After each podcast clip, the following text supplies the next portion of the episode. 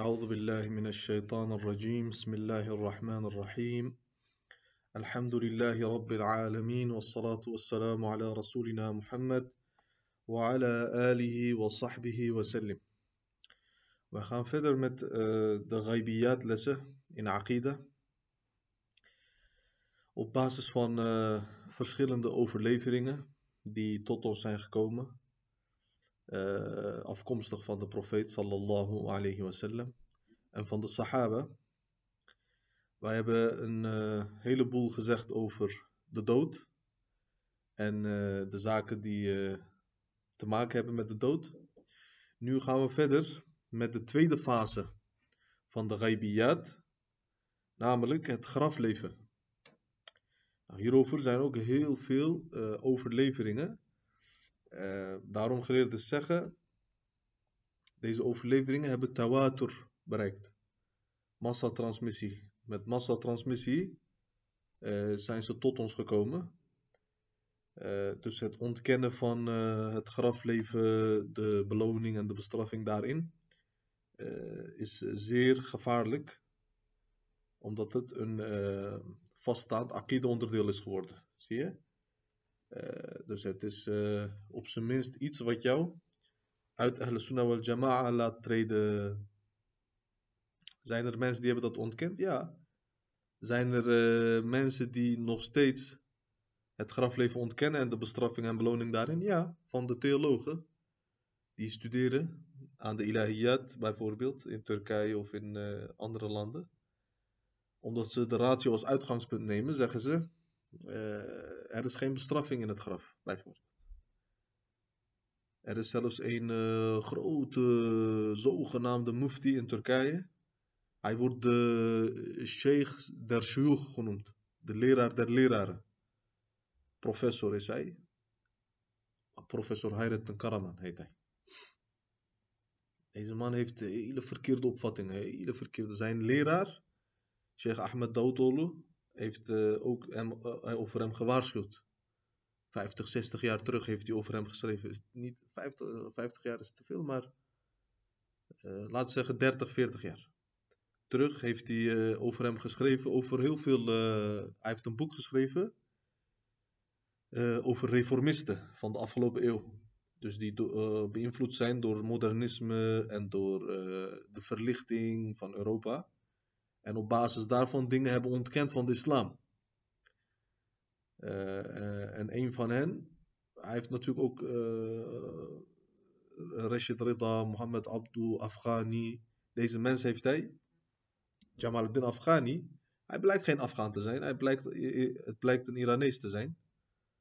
een Shiite te zijn. Maar goed, deze mensen, er zijn ook watha'iq, documenten waaruit blijkt dat ze leden waren van uh, vrijmetselarij, van vrijmetselaren lodges. Ja, en zulke problematische mensen, reformisten. Uh, en hun vertakkingen, die blijven doorgaan. Tot vandaag de dag zijn ze gekomen, hun vertakkingen. Mensen die beïnvloed zijn door modernisering, door verlichting van Europa, door het louter hanteren van de ratio en uh, de wetenschap als uitgangspunt nemen, zulke types, zij ontkennen dan de be bestraffing in het graf bijvoorbeeld. Waarom?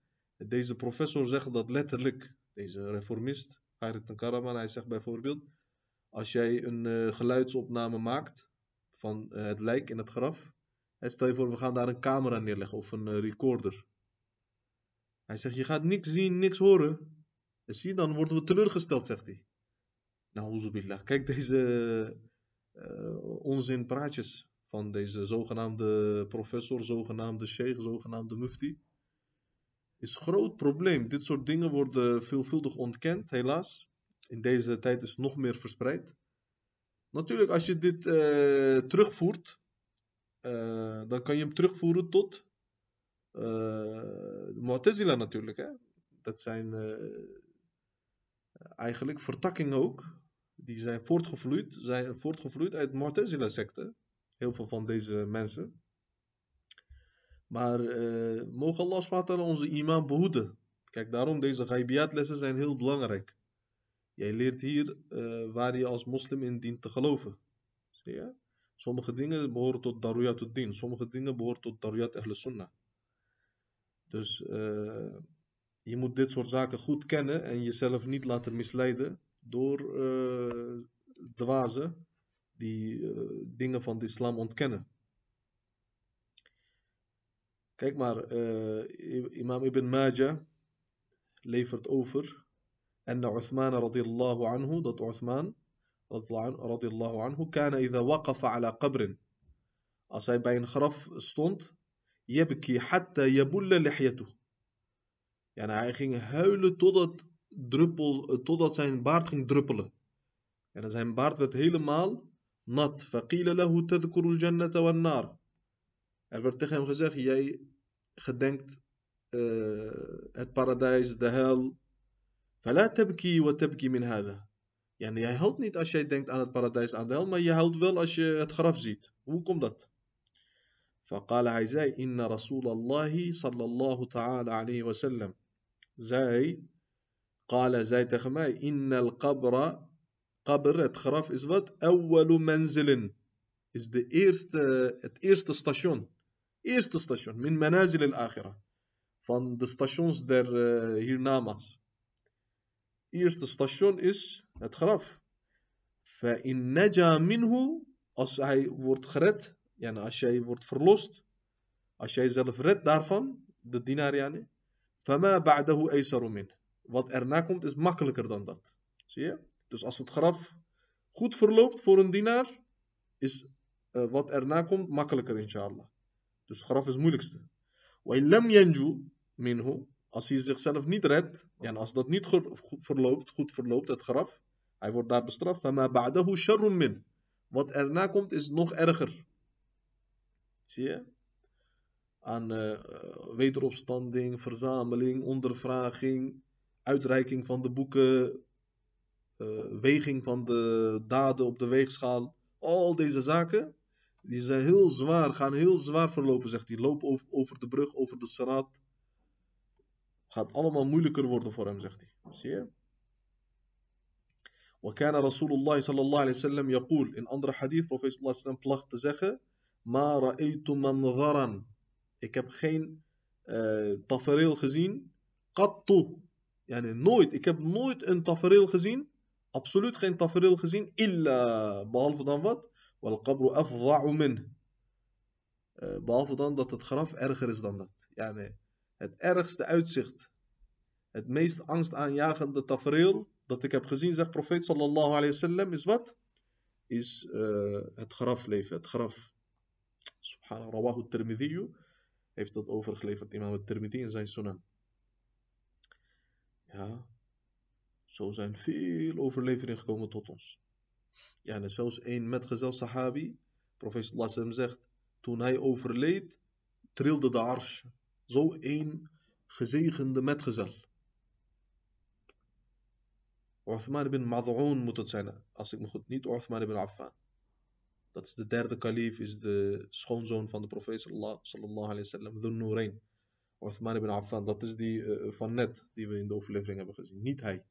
Uthman ibn Maz'un is een andere sahabi. Als ik me goed herinner, was hij het. Toen hij overleed, profeet sallam zegt, de arsh trilde voor zijn dood. Zo een gezegende metgezel.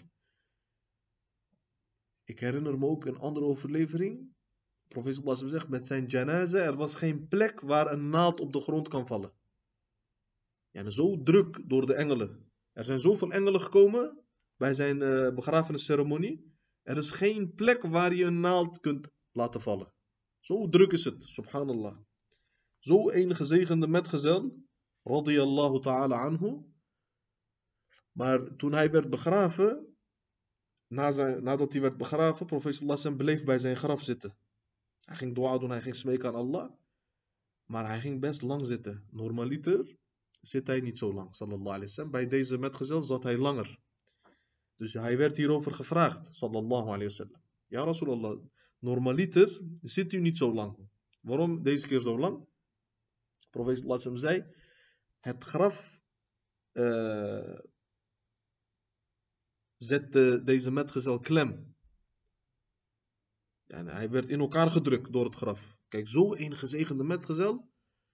Maar jij ziet het, kijk, zelfs hij in het graf, hij ontkomt niet aan de bestraffing in het graf. Ja, en of je het natuurlijk bestraffing kan noemen is een ander verhaal, maar één keer hij wordt een beetje geperst. Eén keer door het graf, graf wordt hij geperst en dan, hij zegt, ik ging dua doen aan Allah, ik ging smeken, hij werd weer losgelaten. Subhanallah. Zie je? Zie je hoe serieus het graf is? Zie je hoe serieus het graf is? In andere overlevering, profeet sallallahu alayhi wasallam, liep, staat in Sahih Bukhari ook, deze overlevering is muttafaqun alayhi zelfs. Het komt in Sahih Bukhari en Sahih Muslim voor. Als, uh, wanneer hij langs een graf liep, zei hij tegen de metgezel die naast hem was, sallallahu alayhi wasallam, deze twee mensen worden nu bestraft, maar voor iets kleins. Yani, bij Allah is het groot, maar mensen zien dat als iets kleins. Wat, wat is dat?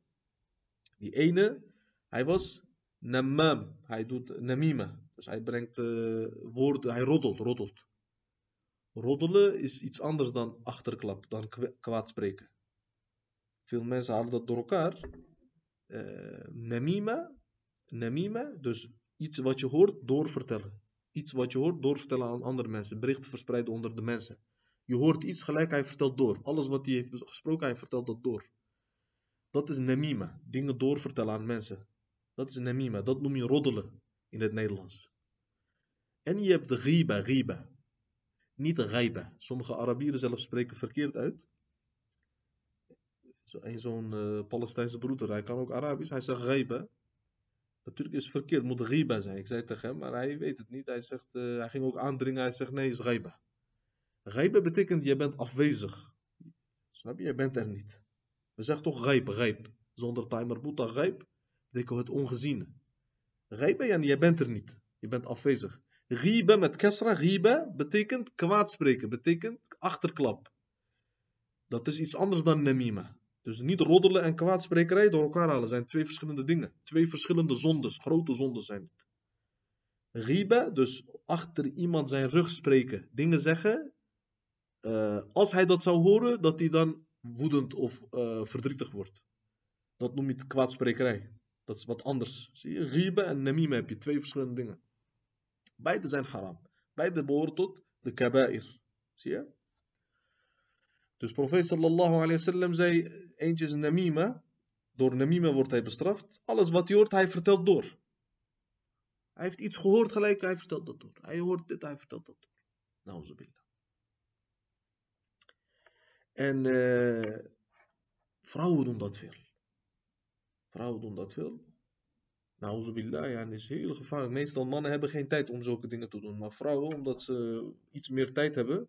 Sommige vrouwen, niet allemaal. Je hebt ook hele vrome vrouwen. Die zijn gelijk aan 100 man. Zulke vrouwen heb je ook, tuurlijk. Maar helaas, dit komt onder vrouwen veel voor. Roddelen en kwaadspreken. Zij moeten zo snel mogelijk toba doen. Zo snel mogelijk. Wallahi, hun einde is niet goed.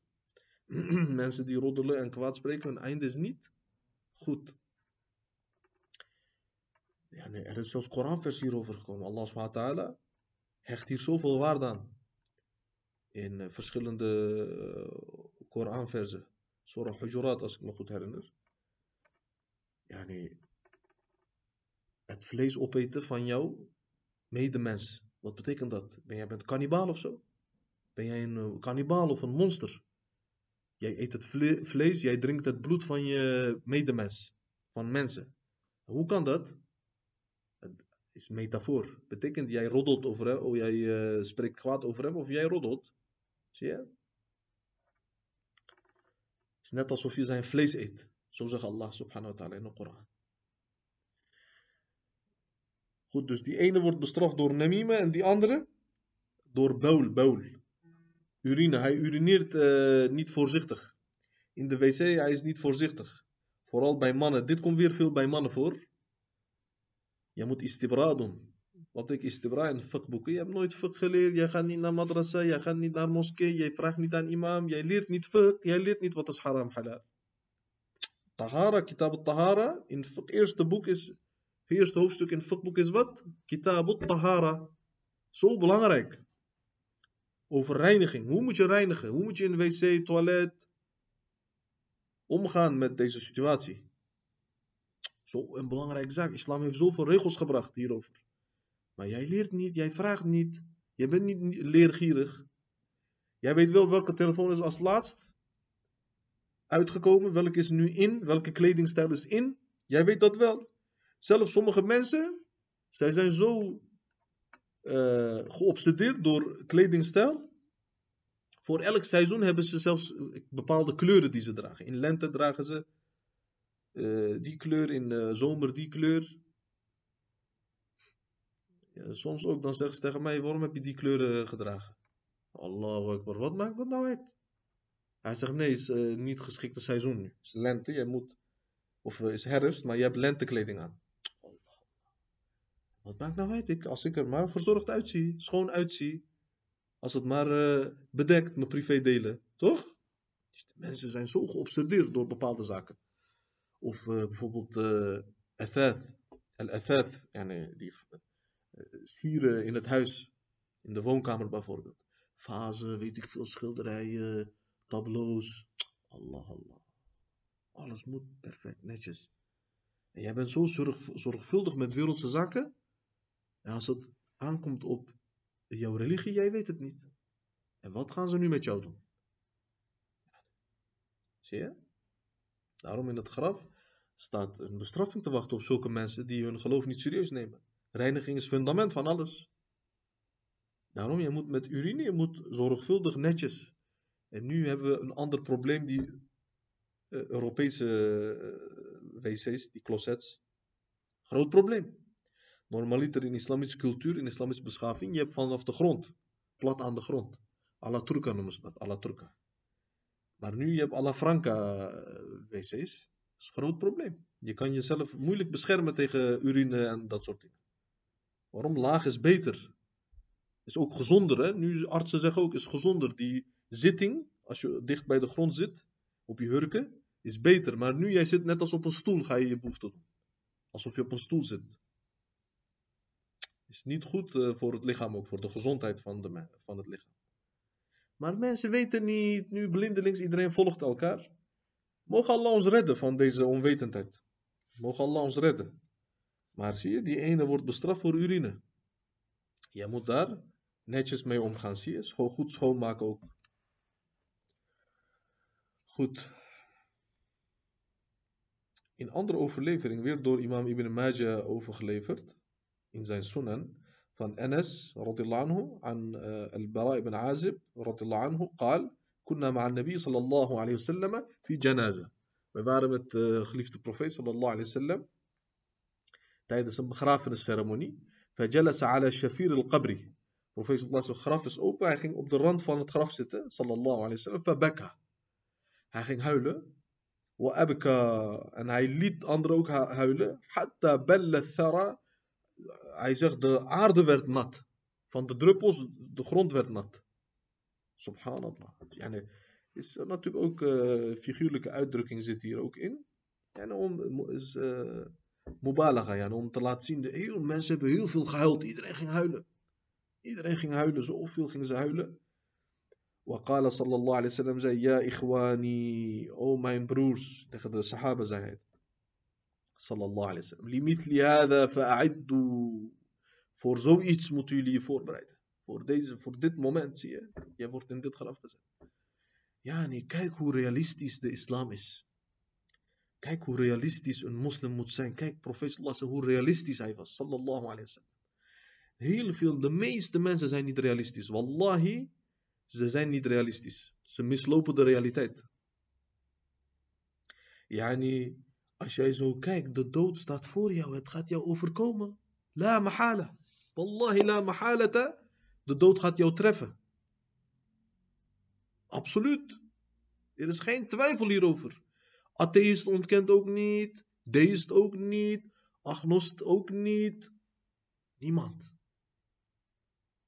Die sceptici zelfs niet. Ze trekken alles in twijfel. Maar de dood zou kunnen niet in twijfel trekken. Kan niet. Maar nu, je ziet het, mensen weten dit met zekerheid, is ilmul yaqeen. Wallahi is ilmul yaqeen voor iedereen. Maar kijk maar, hoe gaan mensen om met deze zekere kennis? Met deze zekerheid verschaffende kennis, hoe gaan ze daarmee om? Ja. Daarom in Surah Baqarah, Allah SWT verhaalt toch? Over Benu Israël. Ze zeiden tegen hun profeet, tegen Musa salam, laat ons Allah in het open, laat ons Allah openlijk zien. Jahratan. Ja nee, wij gaan niet in jou geloven totdat wij Allah openlijk zien. Nou, billah. Kijk dit verzoek. Zie je dit grensoverschrijdend verzoek? En jij ziet de dood gebeuren, het verandert jou niet. Het wijst jou niet terecht. Het maakt jou niet wijs.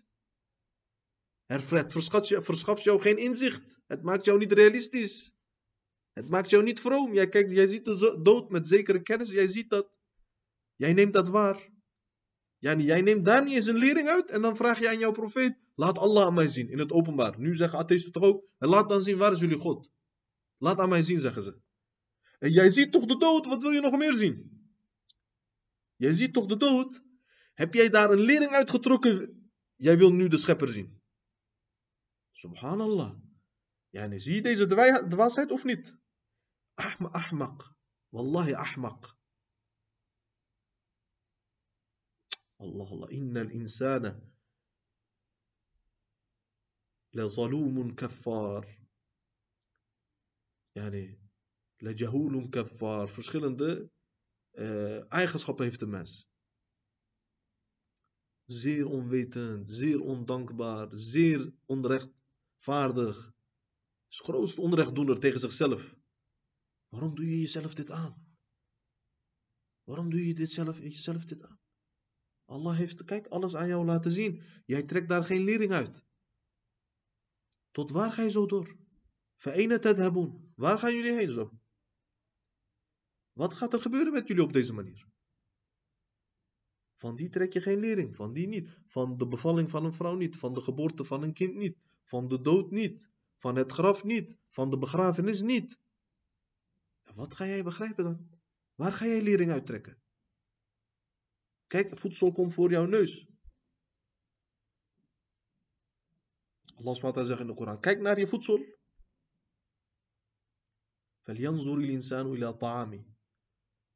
Laat de mens kijken naar zijn voedsel. Kijk, zoveel diverse soorten. Voedsel, vruchten, fruit, groenten, brood, alles, vlees komt voor jouw neus, wordt jou voorgeschoteld. Jij trekt daar geen lering uit. Daarom, wallahi, grootste aanbieding is wat? Tefekkur, tefekkur, tefekkur. Je moet goed nadenken. Het gebed, het doel van het gebed is ook tefekkur. Het zet jou voor Allah. Het vraagt jou om tefekkur te doen, om na te denken. Kijk, die sajdas die wij doen, waar is dat voor bedoeld? Om jou te laten zien, kijk, jij bent van aarde gemaakt, jij gaat terug naar die aarde. Jij bent dicht bij de aarde, zie je? Die sajda laat jou zien, kijk, jij bent niks. Meest heilige plek van jouw uh, lichaam, jouw gezicht, jouw voorhoofd, jouw neus, jij legt dat op de grond. Jij smeert dat op de grond voor Allah. Je bent zo zelil, zo nederig moet jij zijn. Zie je? Dat laat het gebed aan ons zien. Je moet tefakkur doen, nadenken hierover. Maar het zet jou niet aan tot denken. Zoveel dingen in het leven. Kijk, wat betekent vasten? Vasten wil jou laten zien, als jij vast, jij moet wat begrijpen? Je moet tefakkur doen. Jij moet wat begrijpen? Jij moet begrijpen dat je zwak bent. Je bent niks. Je bent niks. Kijk, als jij niet eet, jij wordt zwak. Je hebt geen kracht meer. Je kan niet eens zonde doen. Je kan niet eens een zonde verrichten. Niks. Jouw mond stinkt. En kijk naar je lichaam, kijk. Jij eet het voedsel.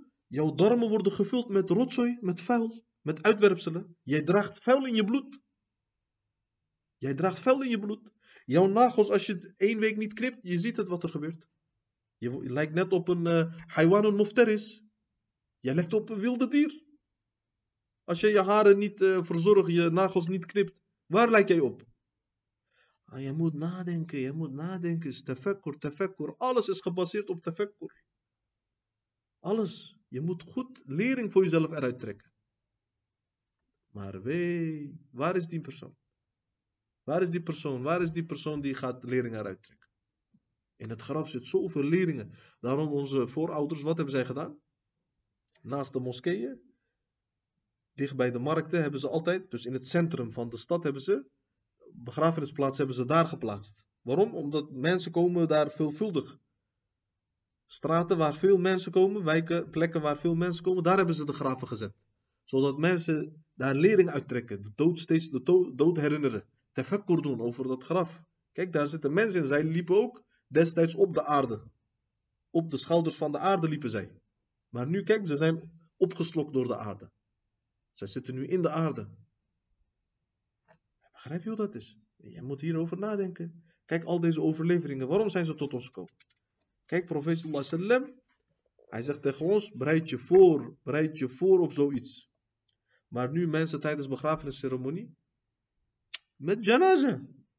Ik heb zo vaak meegemaakt, mensen die lachen, ze maken grapjes. Ze zeggen, wat gaan we zo eten?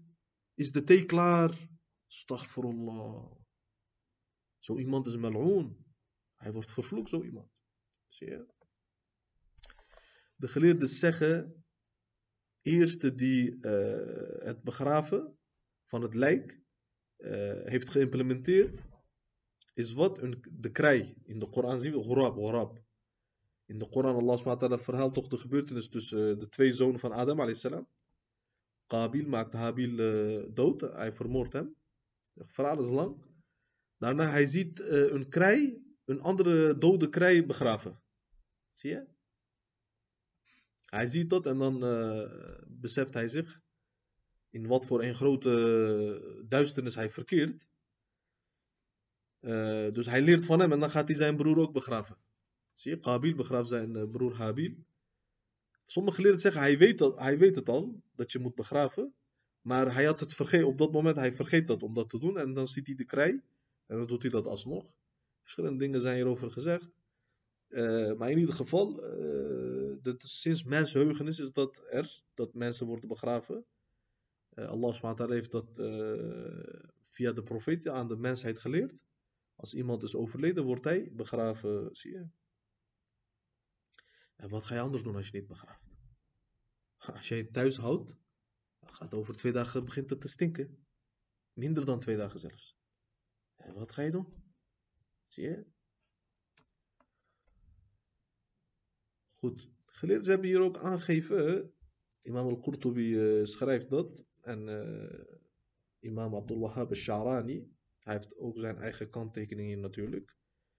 Hij, uh, zij zeggen dat geleerden hebben aangegeven dat het afgeraden is om gebouwen te bouwen op de graven. Dus da dakken bouwen of muren bouwen zie je, op eh, graven. Uh, met uh, het doel om te pronken. Zie om te pronken, mubahat. Ja, je gaat showen, pronken. Om te laten zien, kijk, die persoon is mijn familielid. Ik heb hem zo uh, mooi, zijn graf heb ik gemaakt, gebouwd. Op deze manier muren metselen, stenen op elkaar stapelen. Dat wordt afgekeurd als het met die reden wordt gedaan. Zie je, door met mubahat. En het heeft voor de rest ook geen nut voor de dode persoon. Zie je? Maar het graf uh, symboliseren met iets, dus uh, markeren met iets, dat is zeker sunnah. Wij weten in overlevering, professor Lassen, wat heeft hij gedaan? Sallallahu alaihi.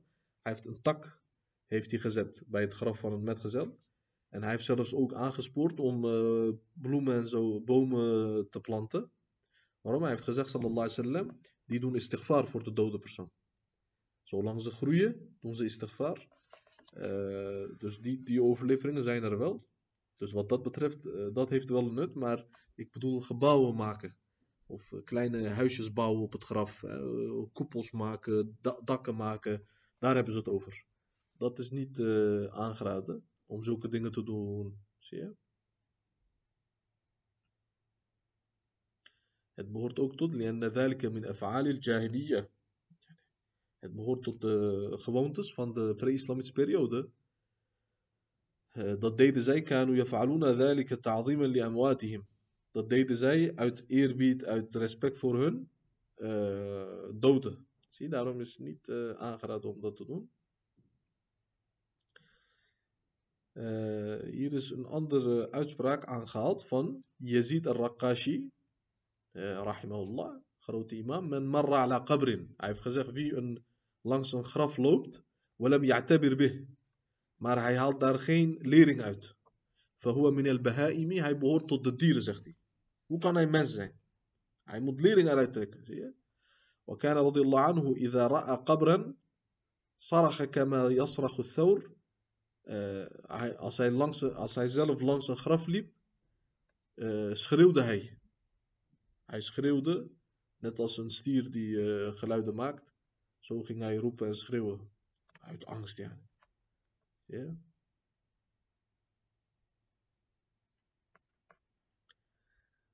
Goed, er is hier nog een klein hoofdstuk over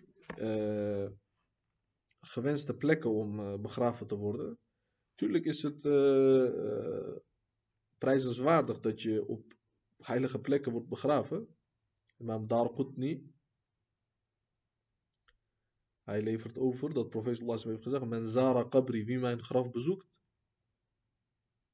Of in andere overlevering. Men zarani, wie mij bezoekt. Kuntu lahu shahidan wa shafi'an.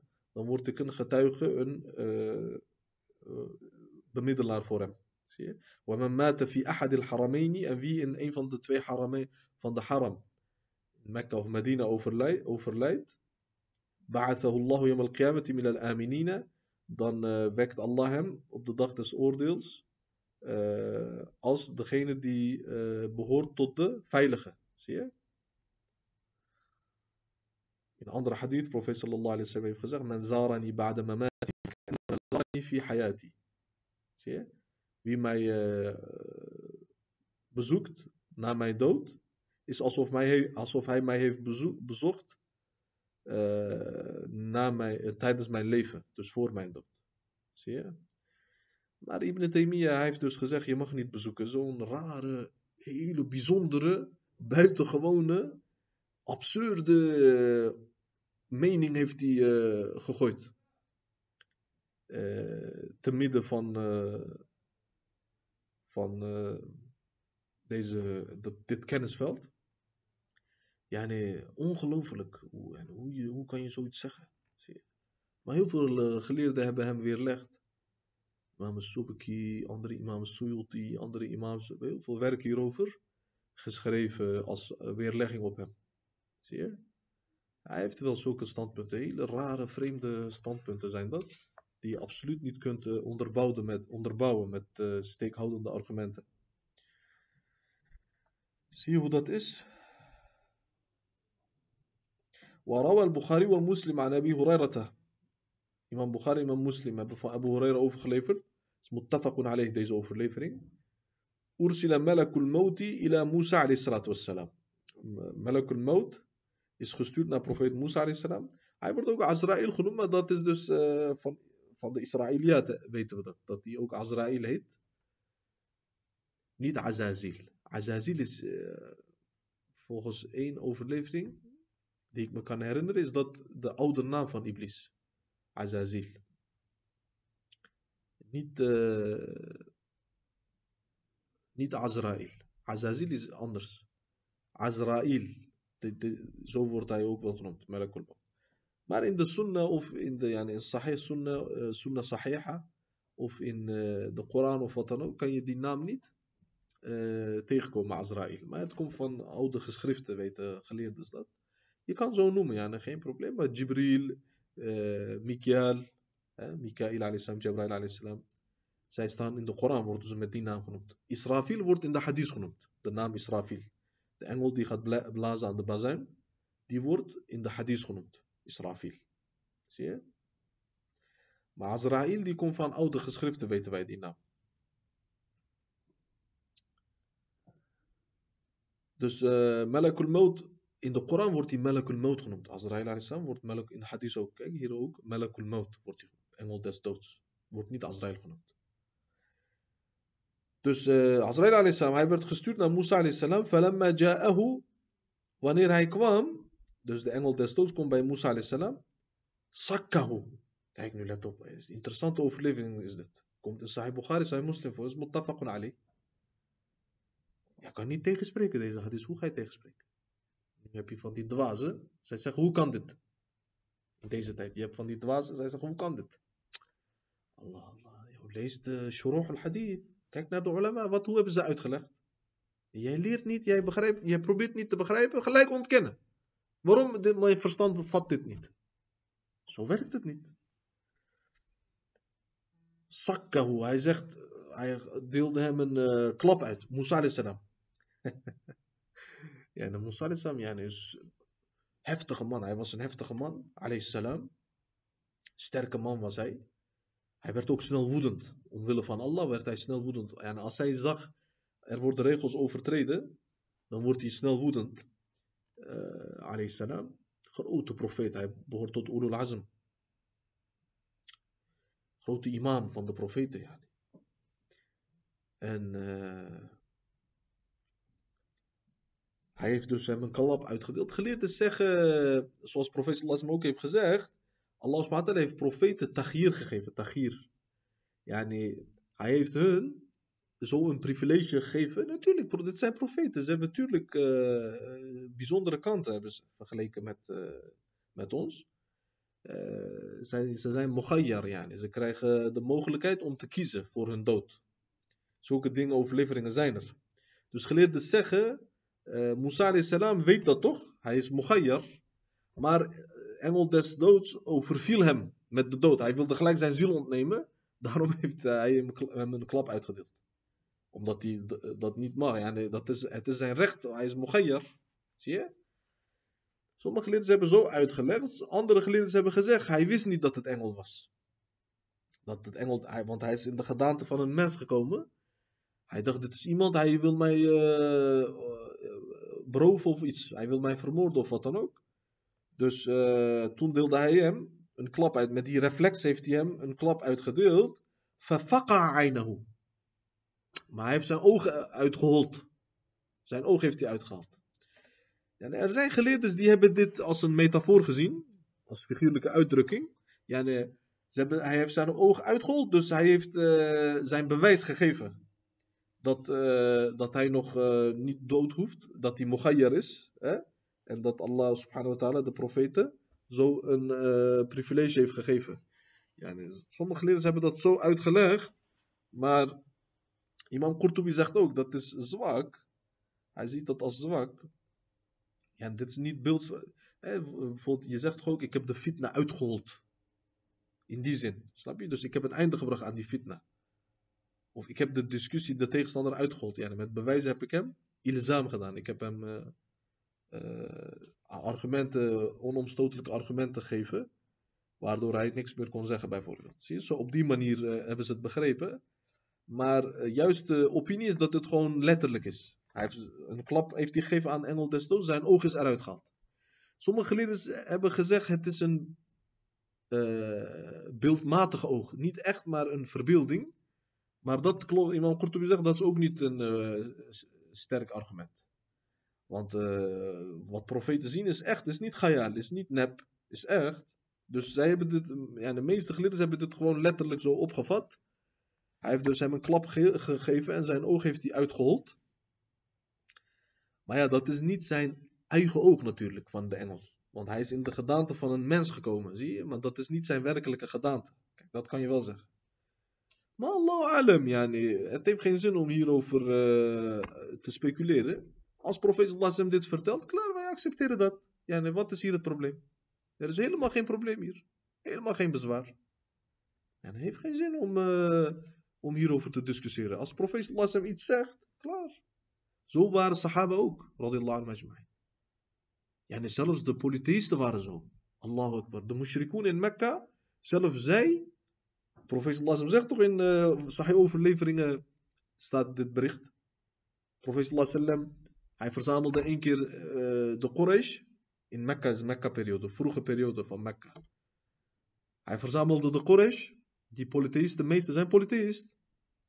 Profeet zei, hij ging elke clan met zijn eigen naam, familienaam noemen, roepen. En dan zei hij, als ik nu tegen jullie zeg, achter die heuvel zit vijand, zit een leger, gaat ons aanvallen. Zouden jullie mij bevestigen of niet? Zij zeiden allemaal, tuurlijk, wij hebben nog nooit meegemaakt, jij liegt, jij bent de meest betrouwbare persoon onder ons. Als jij dat zegt, wij geloven dat wel.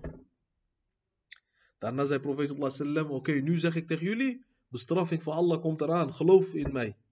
Erken mij als boodschapper, volg mij en uh, aanbid niet uh, anderen buiten Allah. Zie je? Zo zei de profeet sallallahu. Daarna Abu Lahab eerst als eerst zijn eigen oom. Dat heb je vaak, onder de families heb je dat ook vaak. Als eerst je wordt tegengesproken over je eigen familie. Door je eigen familie. Niet door buitenstaanders, maar jouw eigen familie. Als eerst die staat tegenover jou als je de waarheid verkondigt. Helaas. Dus Abu Lahab, hij zei, uh, heb je ons hiervoor geroepen, zei hij. Tabbalek, zei hij. Mudhammam, astaghfirullah, zulke uitspraken, zei hij. Daarom is Surah Masad toch openbaard over hem. Na Surah Masad, hij heeft zes jaar, zeven jaar geleefd. Hij kon ook doen alsof hij uh, moslim werd. Om zogenaamd aan te tonen dat profeet Sallallahu leugenaar is. Maar zie Allah bericht in, in Surah Masad, hij is uh, hij gaat als kafir dood, hij gaat naar de hel. Vader van de vlam. Eigenlijk werd hij zo genoemd door zijn uitstraling. Hij was altijd heel mooi en verzorgd. Daarom noemden ze hem Abu Lahab, is zijn bijnaam. Vader van de vlam. Hij ziet zo strak uit als een vlam, zo mooi. Daarom uiterlijk zegt ook niks. Zie je? Iemand anders, hij kan lelijk eruit zien, maar hij is heel hoog bij Allah. Die heb je ook. Weten wij bijvoorbeeld in uh, tabakat boeken, in, uh, uh, in tarajim boeken. Wij zien bijvoorbeeld sommige salaf salih. Jij kijkt naar hun. Ah, hij heeft geen arm. Gezicht is lelijk. Zulke overleveringen zijn er over bepaalde salaf salih. Ze zeggen over hem, hij was heel lelijk, helemaal gezicht is helemaal uitgedroogd zwart. Maar dat zegt niks, per definitie zegt dat niks. Iemand kan heel lelijk, heel afkerig eruit zien, maar het kan zijn dat hij bij Allah heel hoog is. Hij is vrome dienaar van Allah. Maar wij zijn niet zo. Door onze onwetendheid, wij kijken altijd naar uitstraling. Als iemand witte baard heeft, als hij een glisterend gezicht heeft, wij denken gelijk, hij is Allah, Allah. Hij behoort tot uh, vrienden van Allah, denken wij. Als je zo kijkt, uh, bisschoppen, pastoors hebben ook baard. Snap je? De vrouw van, Vaticaan, die monniken, zij dragen ook sluier. Dat zegt niks alleen. Aan zich zegt dat niks. Zie je, moet kijken naar taqwa, jij moet kijken naar uh, hoe leeft iemand. Leeft hij volgens de sharia of niet? Dat is belangrijk. Niet achter elke persoon aangaan die zegt ik heb komkommer, niet meteen je zoutbakje pakken en achter hem aangaan. Snap je? Je moet altijd eerst maatstaf is sharia. Je moet kijken, voldoet hij aan de eisen van de islam of niet. Maar zo zei Abu Lahab zei dat. Hij heeft nog geleefd. Daarom laatst een christen. Hij werd moslim. Omdat hij die surah Masad heeft hij, uh, gelezen, bestudeerd. Hij werd moslim. Hij zei, islam is haq, Koran is haq. Waarom? Hij zei, kijk, Masad, surah Masad is geopenbaard. Maar Abu Lahab, grootste vijand van de profeet hij heeft nog zeven jaar geleefd. 7, 8 jaar geleefd na, na, deze openbaring. Hij kon toch doen alsof hij moslim wordt om de Koran te achterhalen. De waarachtigheid ervan te achterhalen. Nou, ja, zogenaamd ja. Zie je maar, dat laat zien, de Koran is hak. Zie je? Daarom hij werd moslim, die christen. Hij was zelfs pastoor. Hij was pastoor. Ja, hij, was, hij had een functie in de kerk. Maar hij is moslim geworden hierdoor. Door deze reden. Ja, een aantal jaren terug. Zie hoe mensen islam uh, bestuderen. Maar wij als imam twee keer Surah Mesed leest, in twee gebeden achter elkaar, wij zeggen gelijk waarom leest hij Surah Mesed? Hij kan niet, niks anders dan Surah Mesed. Hij leest altijd Surah Mesed. Mensen worden moslim door Surah Mesed. Kijk wat jij zegt. Je moet een beetje die betekenis uh, proberen te begrijpen. Niet met onzin dingen tijd verspillen. Gaat hij over de imam roddelen? Zegt hij tegen mensen, kijk, hij kan alleen maar uh, Surah Masad lezen. Hij leest altijd Surah Masad. Heb jij ooit de betekenis van Surah Masad onderzocht? Goed. Dus uh, zo zegt hij in de overlevering, dus wij accepteren dat. Daarom, profeet sallam, hij werd zelfs door Quraysh bevestigd. Je? Zij zei, natuurlijk wij geloven in jou. Als jij zegt, er is, daar een vijand. Ah, zelfs hij wordt bevestigd door polytheïsten, door zijn vijanden. Uh, in andere overleveringen wij zien Profeet sallallahu waarom liet hij Ali achter met de emigratie, met de hijra? Omdat er waren nog spullen die waren toevertrouwd aan de profeet sallallahu wasallam. Ali radillahu anhu zou dat teruggeven aan hen. Daarom profeet ging met Abu Bakr weg. Hij liet Ali bij die spullen die aan hem toevertrouwd uh, werden. Door wie? Door zijn vijanden, door polytheïsten van Mekka. Ja, hij was zo betrouwbaar. Mensen gingen hun waardevolle spullen bij hem leggen. Als ze weg moesten, buiten de stad moesten. gingen ze hun spullen aan hem toevertrouwen. Zie je hoe dat gaat? En we hebben over zo'n as-sadiq al-masluq, zo'n betrouwbare profeet, grootste profeet van Allah. Als hij tegen jou zegt, dit is gebeurd, jij moet dat accepteren. Zie je? En niet zeggen, wat zegt mijn verstand? Jouw verstand is beperkt, jij bent een zwakke dienaar. En jij weet niet eens wat achter jouw rug gebeurt. Jij bent zo beperkt en zwak, zo zielig. Jij weet niet eens wat gebeurt achter jou. Jij weet niet eens wat heb je vorige week gegeten. Jij bent zo een zwakke dienaar van Allah.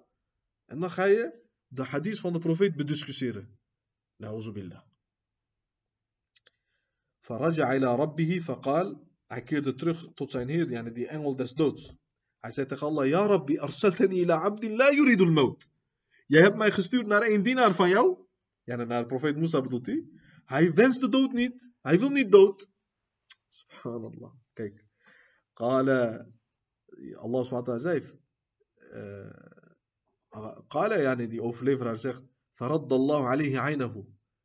Allah subhanahu herstelde die engel, zijn oog. Wa qala, hij zei.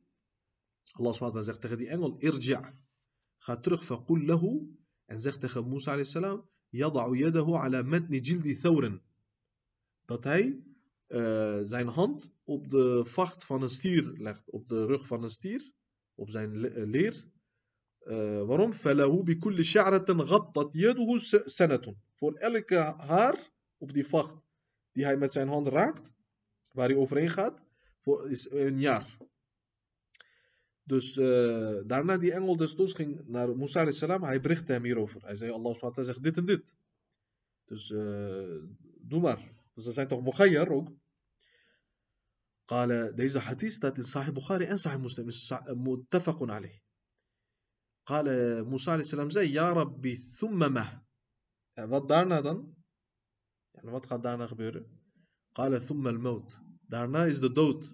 Allah subhanahu zegt, jij gaat daarna sowieso dood. Yani, er is geen ontkomen aan de dood. Er is ook zo eenzelfde gebeurtenis, die staat ook in Sahih overleveringen, tussen Adam a.s. en Daoud salam. Dat Adam a.s. een stuk van zijn leven had geschonken aan eh, uh, Daoud salam.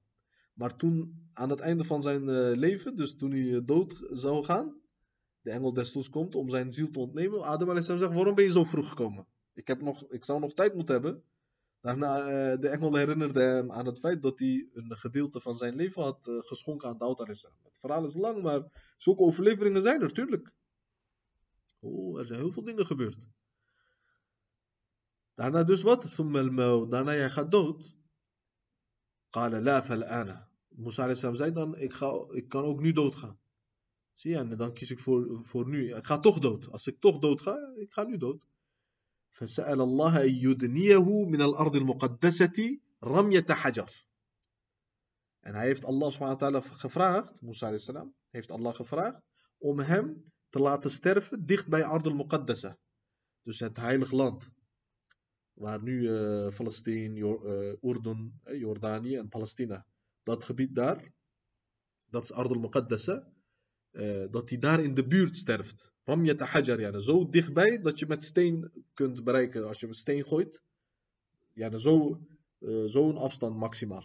Zo dichtbij wilde hij daar sterven. Ja, en waarom hebben we deze overlevering hier aangehaald? We hebben, we hebben het toch over uh, sterven op uh, heilige gebieden. Ja, en zo zien we in overleveringen. Kijk, profeet sallallahu zegt wie in de Harameen overlijdt. Dus in Mekka of Medina. In deze hadith wij zien wie in Ardul Muqaddas overlijdt In Palestijn of uh, Bilad al-Sham. Yani, zie je, Urdun, Palestijn. Wie daar overlijdt, daar is een bepaalde uh, eer aan gebonden. Is een bepaalde deugd, voortreffelijkheid aan verbonden. Uh, daarom hebben we die aangehaald.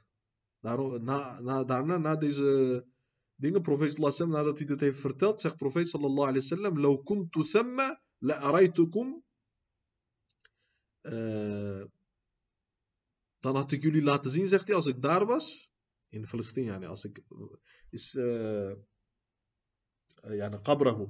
dan had ik zijn graf aan jullie laten zien. Ila janib al-tariqi.